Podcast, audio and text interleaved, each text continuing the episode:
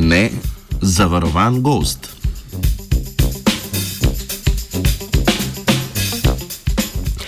V reviji Nature, Ecology and Evolution je bila pretekli teden objavljena obsežna raziskava, v kateri je predstavljena prva celovita analiza, ki na globalni ravni ocenjuje uspešnost opredeljevanja zavarovanih območij narave pri preprečevanju pretiranega krčenja gozdov. Čeprav glavne ugotovitve študije nakazujejo, da se v zavarovanih območjih krčevitev gozda zmanjšuje, jih ta naravovarstveni ukrep ne uspe preprečiti.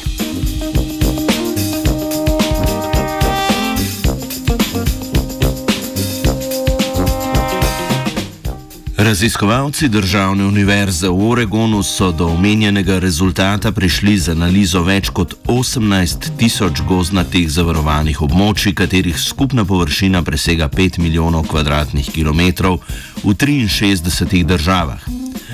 Raziskovalci so za odločitev oziroma za določitev sprememb v pokrovnosti gozda znotraj zavarovanih območij uporabili svetovno bazo podatkov o zavarovanih območjih in zemljevide, ki prikazujejo spremembe pokrovnosti gozda. Te so na to primerjali s krčitvami gozda na nezavarovanih območjih s podobnimi geografskimi in biološkimi značilnostmi.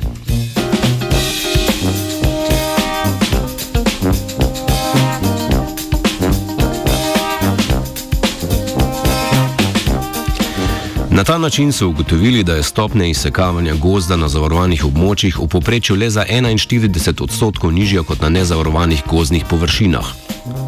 Kot dele našega planeta, kjer je krčenje gozdov v zavarovanih območjih pogostejše, so avtori raziskave izpostavili Afriko, Evropo in Južno Ameriko.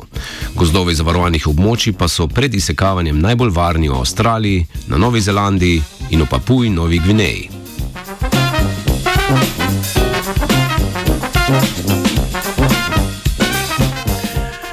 Poleg številnih drugih rezultatov, pridobljenih na podlagi preomenjenih podatkov, obravnavana študija predstavlja tudi izračun deleža gozda, ki je dejansko zavarovan pred človeškimi posegi. Ta delež pa je precej nižji od dosedanjih ocen, ki so predvidevale, da smo po celotnem planetu uspeli pred kršitvami zavarovati 17,7 odstotkov gozda. Nova ocena znaša le 6,5 odstotkov.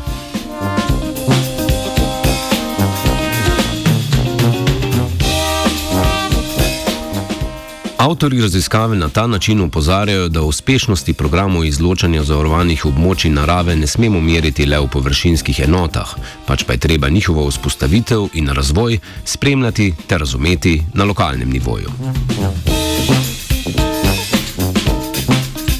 Gozdove je varoval Gregor.